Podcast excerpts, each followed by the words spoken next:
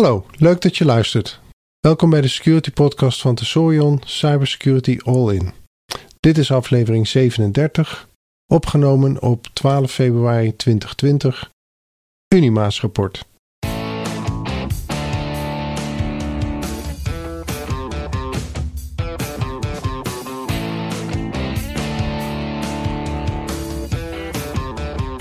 In deze aflevering bespreken we het rapport over de ransomware-besmetting bij de Universiteit van Maastricht.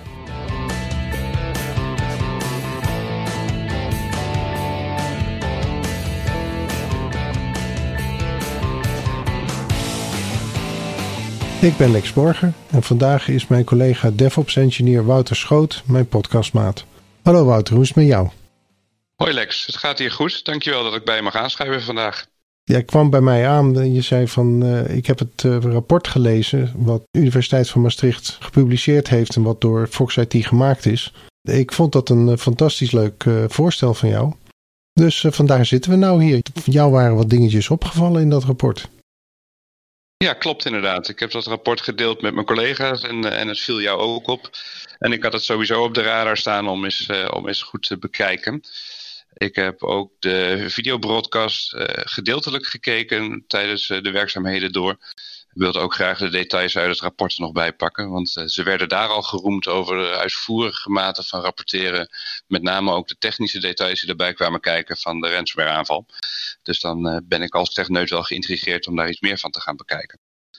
Ja, zoals iedere security specialist denk ik best wel wat aan heeft om zo'n rapport uh, goed door te nemen. Het is niet altijd dat dit soort dingen publiek gemaakt wordt. Profiteer ervan. Klopt inderdaad. Nee, ze zijn zeer uitvoerig geweest in de rapportage daarvan. En hoewel er uiteraard ook een hoop logische zaken, ik zou bijna willen zeggen open deuren in naar voren komen, die we, die we keer op keer horen in vergelijkbare situaties, kan het nooit kwaad om ze te benoemen. En daarnaast zijn er natuurlijk ook specifieke zaken die voor het geval uh, in kwestie uh, opgaan, de Universiteit van Maastricht.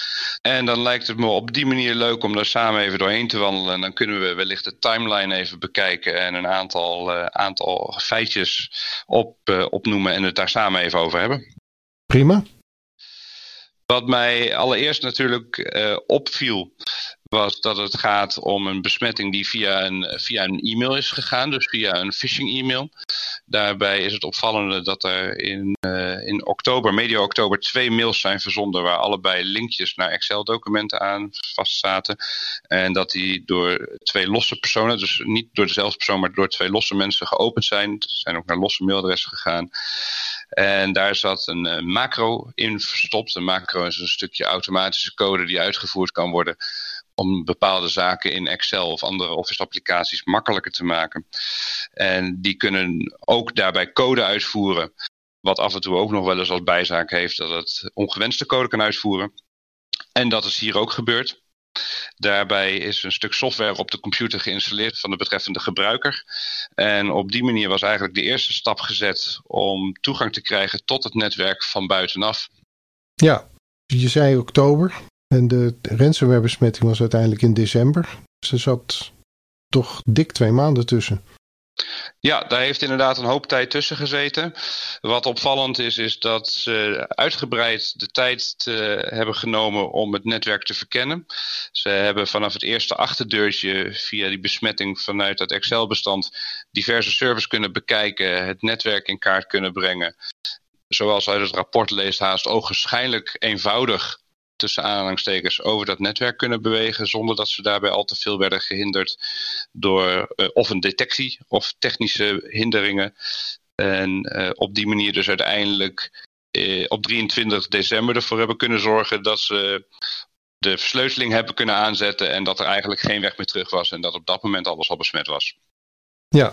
misschien is het leuk om even te kijken waar dat dan precies op is gericht. Want vanuit dat e-mailtje met de, met de Excel-file die daarbij zat, hebben ze het eerste contact gekregen met de servers. Um, dat heeft zich uitsluitend op Windows-machines gericht.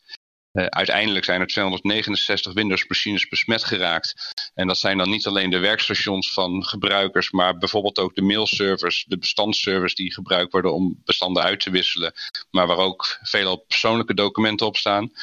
En uiteindelijk ook de backups die dus gekoppeld bleken te zijn aan het netwerk. Dus het, maken van een reservekopie om daarop terug te kunnen vallen, waren ook bereikbaar via datzelfde netwerk.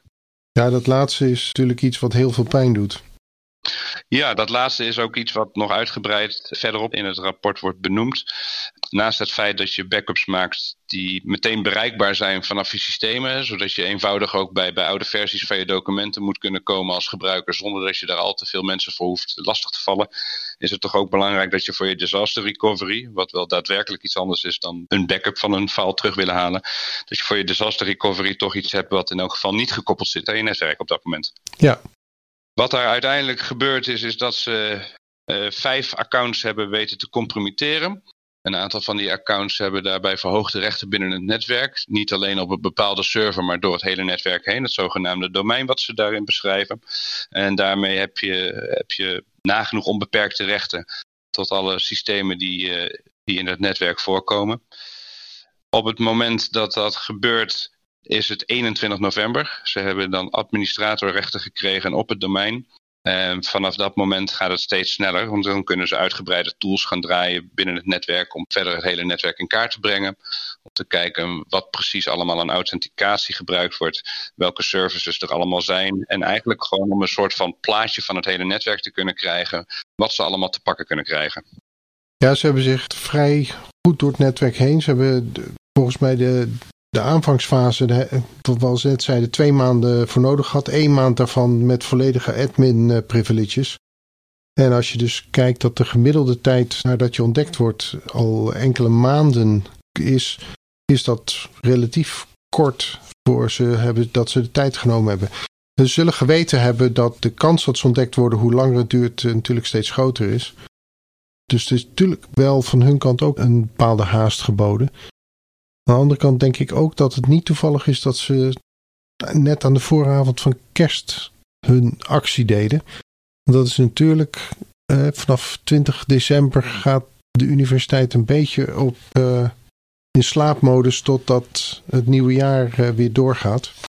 Ja, ik kan me goed voorstellen dat een hoop mensen gelieerd aan de universiteit een ongezellige kerst hebben meegemaakt dat jaar wat je zegt, ik kan me goed voorstellen dat ze juist dat moment kiezen, omdat je daarmee het, minst kans hebt op het pakken maken van de slapende honden. Ja. Ehm, dan heb je eventueel nog wat extra tijd om je verder door dat netwerk te kunnen, uh, kunnen verspreiden en zoveel mogelijk systemen tegelijkertijd te kunnen versleutelen met, uh, met, met je code. Ja. Maar ze hebben daar inderdaad uitgebreid de tijd voor gehad. En ergens is het natuurlijk heel gehaaid dat je eerst al een soort van plaatje van je netwerk kunt maken en uitgebreid kunt kijken wat je allemaal tegenkomt. En dat je zelfs ook al in staat bent geweest om de backups te versleutelen voordat je daadwerkelijk ja, het signaal afgeeft dat de rest van de systemen ook te pakken genomen zijn. Want eigenlijk is er dan al geen stap meer terug. Nee, als je kijkt naar de tijdlijn, hebben ze inderdaad een, een, een heel scala aan tools gebruikt. Ik had hierbij niet het idee dat ze een druk op de knop hebben gegeven en dat alles automatisch ging. In het rapport van Fox IT worden uh, met, met hoge nauwkeurigheid, voor zover ze dat kunnen hebben achterhalen, alle tools genoemd die daarvoor gebruikt worden. Ook de ontbrekende patches, waarvan ze vermoeden dat de betreffende exploit die daarbij hoort dat die gebruikt wordt, hebben ze, hebben ze benoemd. Dat zou in dit geval waarschijnlijk, en ik zeg daar expres waarschijnlijk bij, maar hè, er waarschijnlijk gaan om de Eternal Blue exploit. De Eternal Blue exploit kennen we nog uit 2017. Ja. Toen die ook gebruikt werd voor de WannaCry ransomware. Ook de WannaCry hebben we vaker uh, over gehoord dat is er eentje die gebruik maakt van een kwetsbaarheid in het, uh, in het SMB-protocol van Microsoft versie 1. Dat is een inmiddels verouderd protocol wat door iedereen wordt aangeraden om uit te schakelen. Maar dat toen het tijd nog niet altijd het geval was. En daar is ook in 2017 een patch voor gekomen. En die was er net voor dat de exploit uiteindelijk in het wild vrijkwam, dus dat die gelekt werd. En een saillant detail was dat dat een tool was die door de Amerikaanse National Security Agency, de NSA, ontwikkeld is. En toen nou ja, uiteindelijk op het internet is terechtgekomen en dat kwaadwillenden hem ook hebben kunnen gebruiken. Ja, en, en ook inderdaad gelekt door een andere partij dan de NSA. Ja, wat je dan inderdaad ziet is dat ze bij de besmetting op die 15 en 16 oktober benoemen ze de zogenaamde SDB-bot. Dat is het daadwerkelijk eerste stukje malware wat middels die macro in het Excel-bestand werd geactiveerd. En daarmee hebben ze een soort van uh, achterdeurtje geopend naar de systemen waarop dat geopend werd. En konden ze een paar dagen later, toen ze door hadden dat ze beet hadden, konden ze tools gebruiken, uh, waaronder ze uh, bijvoorbeeld de Metasploit noemen, um, die vaker gebruikt werd om bepaalde kwetsbaarheden in systemen te meten en kijken of ze daar gebruik van kunnen maken. Op 24 oktober wordt genoemd dat zowel PowerSploit, wat netwerkbeveiligingssoftware is, als, als Pingcastle gebruikt wordt. Uh, en de laatste is specifiek voor het in kaart brengen van Active Directory services. En dat zijn de services waarin alle gebruikersnamen, wachtwoorden, credentials zijn vastgelegd, zodat mensen zich kunnen authenticeren uh, bij het netwerk. Later noemen ze ook Cobalt Strike, een commercieel softwarepakket voor het uitvoeren van penetration tests, wat weer wat weg lijkt te hebben van het pakket Metasploit, wat uh, de open source variant daarvan is, die al eerder is ingezet. 19 december treffen ze het pakket AD-Find aan, wat er ook weer op duidt dat ze verder aan het zoeken zijn naar zaken rondom de Active Directory, dus die authenticatieservice. En vier dagen later, 23 december, zitten we dan inmiddels dus inderdaad vlak voor kerst de uitrol van de daadwerkelijke ransomware zelf, die zich op een venijnige manier, zoals vaker virussen dat proberen, als een soort van service met een, met een lijkende naam proberen te vermommen zodat het niet direct opvalt dat er iets niet in de haak is. Het is een programmaatje wat ook als eerste instructie kreeg om bijvoorbeeld Bitdefender uit te schakelen. Ook uh, McAfee, het antiviruspakket, hebben ze geïnstalleerd. Zodat de kans op detectie kleiner werd en hun mogelijkheden om ongestoord hun gang te kunnen gaan toenamen. Ja, en daarbij geloof ik dat ze ook de software die ze installeerden om de ransomware versleuteling uiteindelijk te doen, hadden ze ook uh, Sage.exe genoemd. Ja. Dat is in principe een, uh, gewoon een programma wat je op ieder Windows systeem continu vindt draaien. Dus als iemand van buitenaf zou kijken, dan zou dat aan zich normaal lijken. Ja, klopt. En ook een tool die normaal wel vaak gebruikt wordt bij beheer van Windows systemen. PSExec hebben ze net iets anders van gemaakt. PSX exec uh, VC. Dus dat, dat lijkt er dan een beetje op. En dan denk je, oké, het, uh, het lijkt een bekende tool te zijn die ik wel herken, die ik wel vertrouw. En dan stiekem is dat toch net wat anders. Alles om ja, security by obscurity toch net uit het oog te kunnen onttrekken. Ja, is blijkbaar goed gelukt, want op de 23e was het raak, was de versleuteling daadwerkelijk een feit. Op dat moment waren ook de backups al versleuteld en hadden de aanvallers een, een, een goed overzicht van de systemen die allemaal gekoppeld waren binnen dat domein van de Universiteit van Maastricht. Ja, dan is het uiteindelijk toch het commando geven, versleutel alle bestanden waar je bij kan.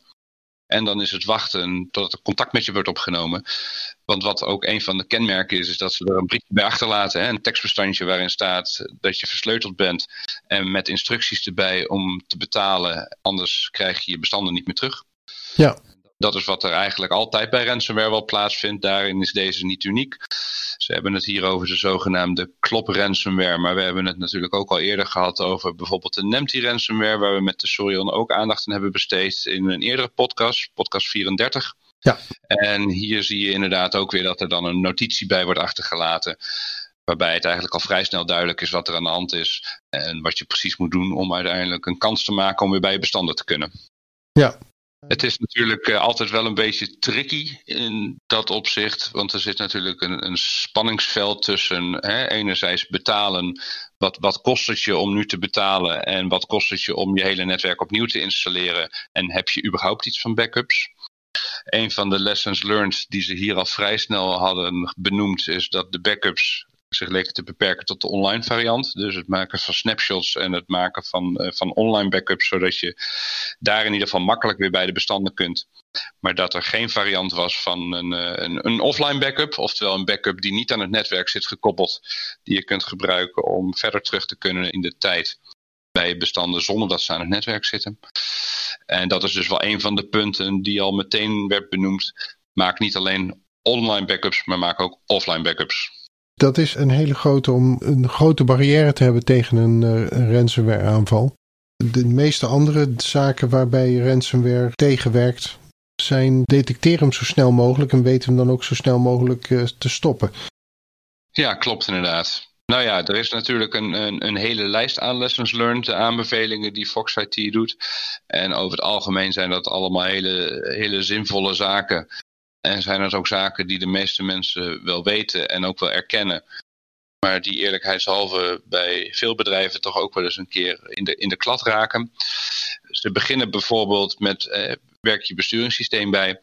Een aantal van de servers waarop het virus als eerste is binnengekomen, eh, bleek nog een, eh, een, een, misconfiguratie te bevatten, waardoor de patch voor die Eternal Blue uit 2017, mei 2017, nog niet was toegepast.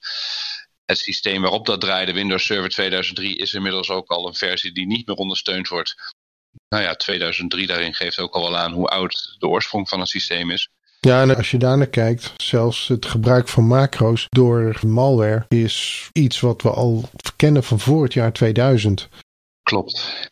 Dus het blijft mij nog steeds verbazen dat macro's in Excel-documenten en Word-documenten nog zo succesvol zijn in het blijven besmetten. Ja, ja, absoluut. En het is ook een van de bevelingen die daarbij stonden. Schakel het gebruik van de macro's uit. En als je niet de mogelijkheid hebt om ze uit te schakelen, schakelen, zorg er dan voor dat je ze in ieder geval zo inricht dat je alleen maar ondertekende macro's kunt gebruiken. En ondertekend wil zoveel zeggen als hè, ze zijn digitaal geverifieerd als zijnde dit zijn goede macro's. Van tevoren hebben we deze geïdentificeerd als zijnde in orde en deze staan we toe. En de rest niet. Op die manier kun je natuurlijk ook onbekende macro's blijven, uh, blijven weren. Ja. Was deze aanval op deze manier niet van de grond gekomen. Wat ze dan verder nog aanhalen is überhaupt de awareness. Er zit natuurlijk niet alleen maar een technische factor bij, maar ook een menselijke factor. Hoe herken ik een phishing mail? Wanneer vind ik het verdacht als iemand mij een berichtje stuurt in bijvoorbeeld een andere taal die ik gewend ben of naar een ander platform dan ik gewend ben? op het moment dat je vanuit je bedrijf met Microsoft werkt en je wordt bijvoorbeeld naar een Google-omgeving toegeleid voor het ophalen van bedrijfs-Excel-bestanden, is dat natuurlijk iets waar je een vraagteken bij kunt zetten. Ehm, dat soort zaken, hoe herken ik dat en hoe zorg ik er ook voor dat als men phishing meldt binnen de organisatie, dat dat herkend wordt binnen bijvoorbeeld de service desk of binnen de IT-organisatie als zijnde, hey, hier moeten we eens naar kijken, hier moeten we iets mee. Train, uh, train je collega's continu op die awareness om te zorgen dat je ze in elk geval herkent en dat je daar niet intrapt. Maar juist die menselijke factor met zoveel mensen om je heen. Ja, je ziet nu dat er twee per er toch op klikken. Het is dan toch de zwakste schakel in de keten, zou ik haast willen zeggen. Ja, we weten niet hoeveel mailtjes er verstuurd zijn. We weten alleen dat er op twee uh, geklikt is. Als je kijkt hoeveel medewerkers ze hebben, is eigenlijk een, een klikrate van slechts twee, als het slechts twee zou zijn, is vrij goed voor een awareness campagne. Ja. Dat mag niet je laatste hoop zijn op een uh, preventie. Klopt, nee, gelukkig zijn er ook een hoop technische maatregelen die je kunt nemen. Maar uiteindelijk is de eerste stap natuurlijk zorgen dat er bij de voordeur, en dat was in dit geval een tweetal mails, dat je daar scherp op bent. En op het moment dat je daar dan toch doorheen glipt, zijn er een aantal technische zaken die je kunt, uh, kunt treffen. Een van de zaken die ze daar ook aanhaalden was de segmentering in het netwerk. Het netwerk was grotendeels met elkaar verbonden en er werd wel gebruik gemaakt van VLAN techniek om te zorgen dat segmenten van elkaar gescheiden werden maar meer op een, op een ja, logische manier van elkaar gescheiden. Niet zozeer technisch van elkaar beperkt, kreeg ik een beetje het gevoel. Ik had niet direct het idee dat er strenge firewall-regels of, of systemen uh, voor intrusion prevention, intrusion detection op stonden ingericht. Of als ze dat wel stonden, stonden ze misschien niet strak genoeg afgesteld. In elk geval was een van de hints wel, zonder dat ze daar echt bij in detail treden, dat, uh, dat de segmentering van het netwerk nog niet op volle kracht aanwezig was. Ja, dat, dat wordt duidelijk eh, uitgesproken in de aanbevelingen. Zonder dat ze duiden wat daar nou het probleem is. En daar kan ik wel iets bij voorstellen. Ja, nee, je hoeft natuurlijk ook niet meer dan strikt noodzakelijk te, te duiden in zo'n rapportage. Maar uh, ze haalden het zeker aan. En op het moment dat daar inderdaad zo'n systeem tussen had gestaan, waarbij dus bepaalde alerts of bepaalde logregels toch in een, in een logsysteem werden opgevangen want ze hadden al wel een logsysteem draaien, maar een van de opmerkingen daarbij was dat hij onvoldoende aandacht kreeg om te acteren op de logregels die binnenkwamen. En ze waren sowieso ook al van plan, en dat is haast ironisch te noemen, en dat is nog expliciet genoemd met, uh, met datum, dat ze begin 2020 toch al van plan waren om een, uh, om een verbeterslag in hun SOC te maken. Dus dat ze 24-7 monitoring daarop wilden gaan toepassen. En het SOC, het Security Operations Center, zorgt ervoor en heeft als enige doel haast om dat soort zaken in de gaten te houden. Dus om te kijken wat er allemaal op je netwerk gebeurt en op te acteren op de alerting die erop binnenkomt. En wie weet hadden ze daarbij inderdaad in ieder geval eerder aan de bel kunnen trekken. Uh, je voorkomt het dan niet direct, maar in elk geval ben je sneller op de hoogte van afwijkende zaken die zich op je netwerk plaatsvinden. Ja, je, je legt het prachtig uit. Dankjewel. Had je nog meer dingen op je lijstje staan? Ja, ik heb nog uh, een paar punten erop staan. Onder andere het CMDB werd nog aangestipt het CMDB om te zorgen, hè, je database van, uh, van je assets, om te zorgen dat die up-to-date blijft. Hè, wanneer is een server nog actief? Wanneer is die langzaam uitgefaseerd, maar staat die misschien nog wel aan? Op het moment dat je niet precies weet wat voor zaken je op je netwerk hebt draaien, is het heel lastig om bij een datum als 23 december meteen scherp te hebben wat je impact is. Dus voor het hebben van een impactanalyse is het, eh, is het heel belangrijk om te weten wat er precies op je, op je domein actief is en wat er draait en wat de impact is van het besmetten van bepaalde type systemen. En ook daar maakten ze nog een opmerking over dat het uh, een extra, extra stuk aandacht behoeft. Ja, en dat is er echt eentje die ik ook regelmatig in cursussen noem. En één aspect wat jij niet noemde is ook dat je wil weten waarom is die server er en bij wie kan ik terecht voor vragen. En dat is dan niet bij wie uh, vanuit IT, maar ook bij wie vanuit de business. Van wie gaat er piepen als dat ding uitgaat of fout doet. Ja, wie heeft eigenaarschap over de betreffende server, bepaalde dienstverlening, wat daarbij hoort. Ja. Ja, dat is allemaal belangrijk om scherp te hebben. In een snel bewegende wereld als de ICT-wereld is het vaak lastig en, en ja, roeien, maar ook met, met de riemen die je hebt, om het zo te zeggen. Hè. Dus het is altijd lastig om dat goed up-to-date te houden en om daar een goed proces bij te hebben om dat zoveel mogelijk te garanderen. Wat nog meer een proces is, en dat is er ook eentje die ze nog benoemen, is uh, oefen je rampscenario's. Kijk een keertje wat er gebeurt op het moment dat je ergens de stekker eruit trekt en je geforceerd bent om een backup terug te zetten test je backups. Zorg ervoor dat hetgeen wat je hebt gebackupt, dat je dat af en toe terugzet. Om te kijken of dat ook daadwerkelijk werkt zoals je dat verwacht. Want het maken van backups is één, maar zorgen dat ze het ook daadwerkelijk doen op het moment dat je ze nodig hebt, is natuurlijk nog het allerbelangrijkste. En dat kun je prima in een proces vatten. Maar dat moet je dan wel af en toe uitvoeren. misschien periodiek toetsen. Ja, dat is gewoon heel belangrijk. Je backup is pas een backup op het moment dat je weet dat je een eh, recover kunt uitvoeren. Ja, nee, absoluut. Dat is zeker belangrijk. En in dat opzicht, ja, het, het zijn allemaal voor de hand liggende zaken. Maar dat maakt ze niet minder belangrijk natuurlijk. Wat ze tot slot nog benoemen is het gebruik van je eigen accounts versus uh, domeinadministrator accounts. wat ze na een tijdje benoemen is dat het onderhoud aan bepaalde servers vaak gedaan werd met een account wat eigenlijk veel te veel rechten had. Wat ook gewoon een generiek domeinbeheeraccount was en niet zozeer een individueel admin-account voor een bepaald persoon. Dus op die manier kun je het ook niet makkelijk herleiden naar één persoon. Dan kun je het ook minder makkelijk isoleren. Dus creëer zoveel mogelijk individuele beheersaccounts met zo min mogelijk rechten.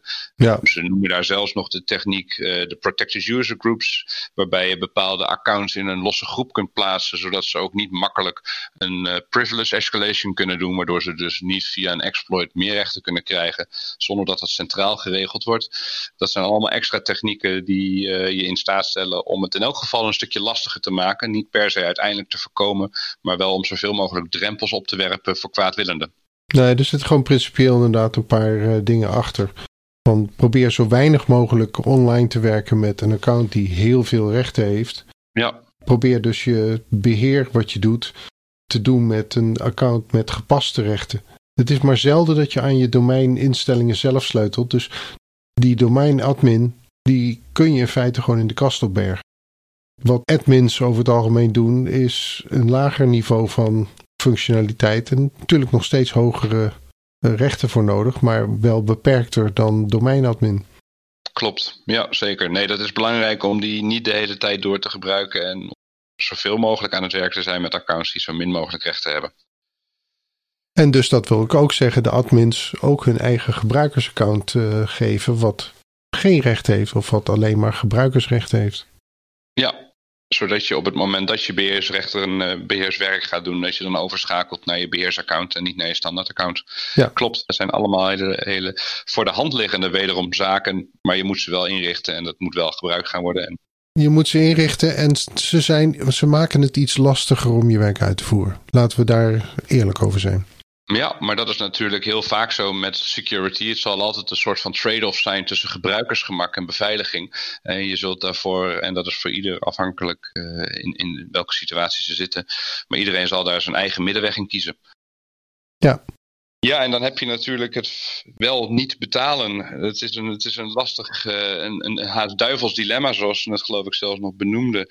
Wat ga je daar dan mee doen? En, en wat kost je uiteindelijk meer? Hè? Het herstellen van je netwerk op basis van uh, of een hele oude offline backup zou die beschikbaar zijn, of misschien zelfs wel een schone lei als die er helemaal niet is is natuurlijk een, uh, een aangelegenheid die ook geld met zich meebrengt. Mensen moeten uh, in het geval van dit soort documenten die verloren zouden zijn gegaan, ja, daar, daar zit natuurlijk zoveel waarde aan vast van de studenten van de universiteit dat je dat simpelweg eigenlijk niet kunt verkopen als dat er niet meer is.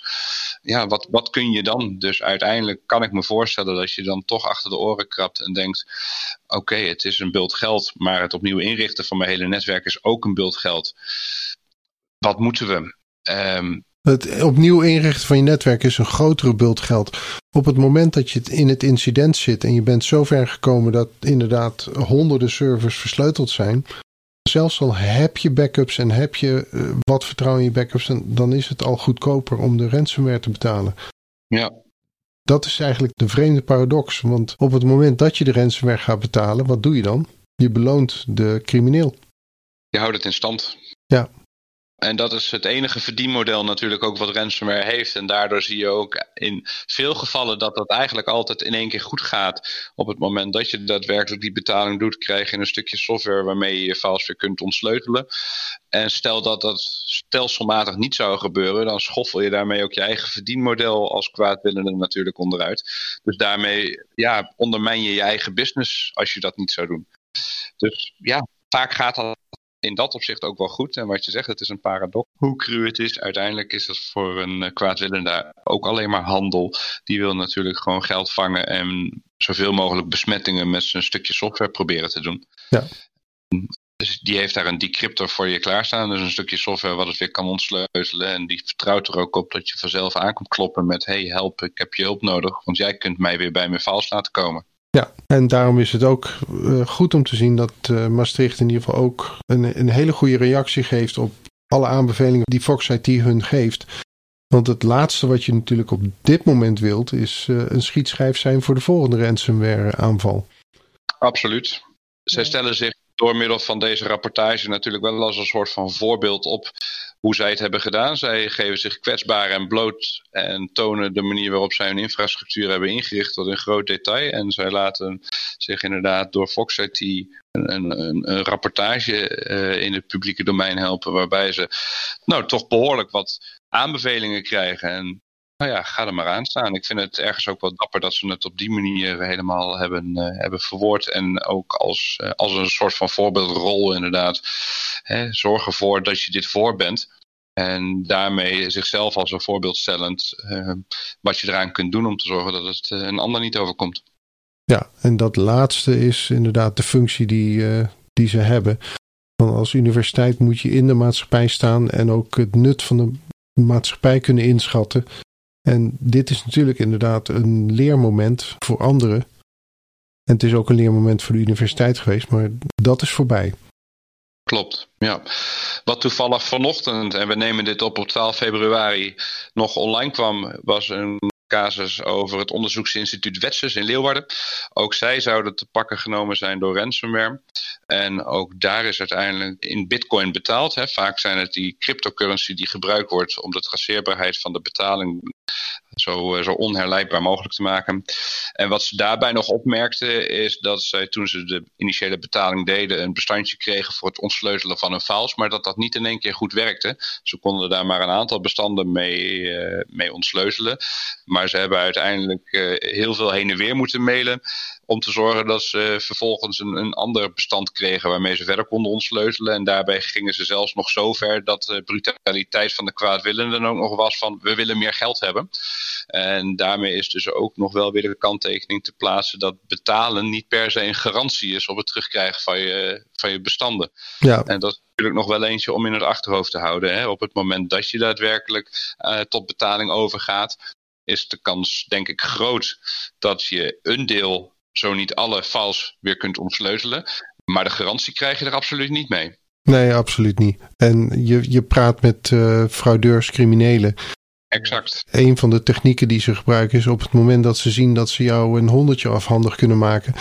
En ze denken van, goh, dat ging toch wel makkelijk. Dan proberen ze dat tweede honderdje, een derde honderdje ook nog mee los te peuteren. Ja, tuurlijk. En dat geeft haast uh, het idee dat het een soort van commercieel bedrijf is wat erachter zit. Maar laten we inderdaad niet vergeten dat het natuurlijk gewoon criminelen zijn die je proberen zoveel mogelijk geld afhankelijk te maken. Uh, dat hoeft natuurlijk niet per se op veel sympathie te rekenen. Laten we daar niet, uh, niet in trappen. Wat nog wel interessant is, is dat het tegenwoordig ook mogelijk is om een soort van verzekering tegen ransomware af te nemen de details daarover zijn, uh, zijn mij niet exact duidelijk in het geval van de Universiteit Maastricht. Ik heb gekeken in de documenten en ik kwam daar nergens een hint op tegen dat ze daarvoor verzekerd zouden zijn geweest. Is misschien ook buiten de scope van het hele, van het hele onderzoek, want het heeft zich wat meer op de technische kant gefocust en niet zozeer op de kant van de afhandeling.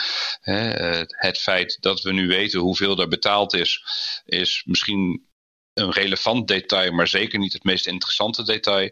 Ik vind het leuk dat we het hebben kunnen inzoomen op de technische toepassingen en de, en de achtergronden die we, hier, uh, die we hieruit uh, als lering kunnen trekken. Ik sta er verbaasd van dat je je kunt verzekeren tegen dit soort zaken. Uh, dit zijn dingen, ja, ze kunnen je overkomen. Dus in, in die zin, je kunt altijd een fout maken. En laten we ook even vanuit gaan. De Universiteit van Maastricht probeert natuurlijk alles goed te doen. Het zit er tussenin. Het, uiteindelijk is het iets waar je, waar je jezelf tegen moet gaan beschermen. Maar mocht het misgaan, dan, kun je je verzekeren. En wat we dan zien, en dit heb ik meer uit de Verenigde Staten gehoord, dat er dan de verzekeraar ook gewoon zegt van ja, um, wij willen zo weinig mogelijk uitkeren. Dus uh, betaal, betaal die ransom maar. Of wij betalen de ransom en, uh, en, je, en je herstelt hem, de boel maar. Ja, ja, ik kan het me voorstellen dat dat na een tijdje een, eh, een, een soort van uh, te verzekeren iets gaat zijn, hoe cru dat ook klinkt. Ja. ja, maar dan krijg je dus hetzelfde als wat je bij de juwelier ziet. Als een keer bij de juwelier ingebroken is, vervolgens moeten ze meer uh, hekken, meer palen, meer bescherming bij de ramen. Er wordt van de verzekeraar op een gegeven moment toch wel meer geëist dat je moet, zelf moet doen om te voorkomen dat je nog een keer aan de beurt bent. Ja, ja, klopt. Uiteindelijk zorgen dat je voordeur goed op slot zit, om het maar even bij de metafoor te pakken, is natuurlijk wel iets waar het mee begint. Ja. Deze aflevering zit erop. Als eerste wil ik graag jou, de luisteraar, bedanken dat je de podcast beluisterd hebt. Mocht je willen reageren naar aanleiding van deze aflevering, stuur ons dan een bericht. Mijn e-mailadres is lex.borger.tesorion.nl Wouter is te bereiken via zijn e-mailadres wouter.schoot.tesorion.nl. Wij zijn werkzaam bij Tesorion. Onze website is www.tesorion.nl. Deze podcast komt maandelijks uit. Afleveringen zijn te vinden in je favoriete podcastplayer en op de Tesorion website. Je kunt je abonneren op de podcast via de feedlink https www.tesorion.nl slash feed slash podcast slash. Of in je podcastplayer. Als je daar bent, geef ons dan ook een waardering en een beoordeling. Dank je. Wouter, dan rijst mij jou te bedanken voor je ongelooflijk leuke, goede bijdrage aan deze podcast. Wij sluiten hierbij af. Tot de volgende keer. Graag gedaan. Tot de volgende keer.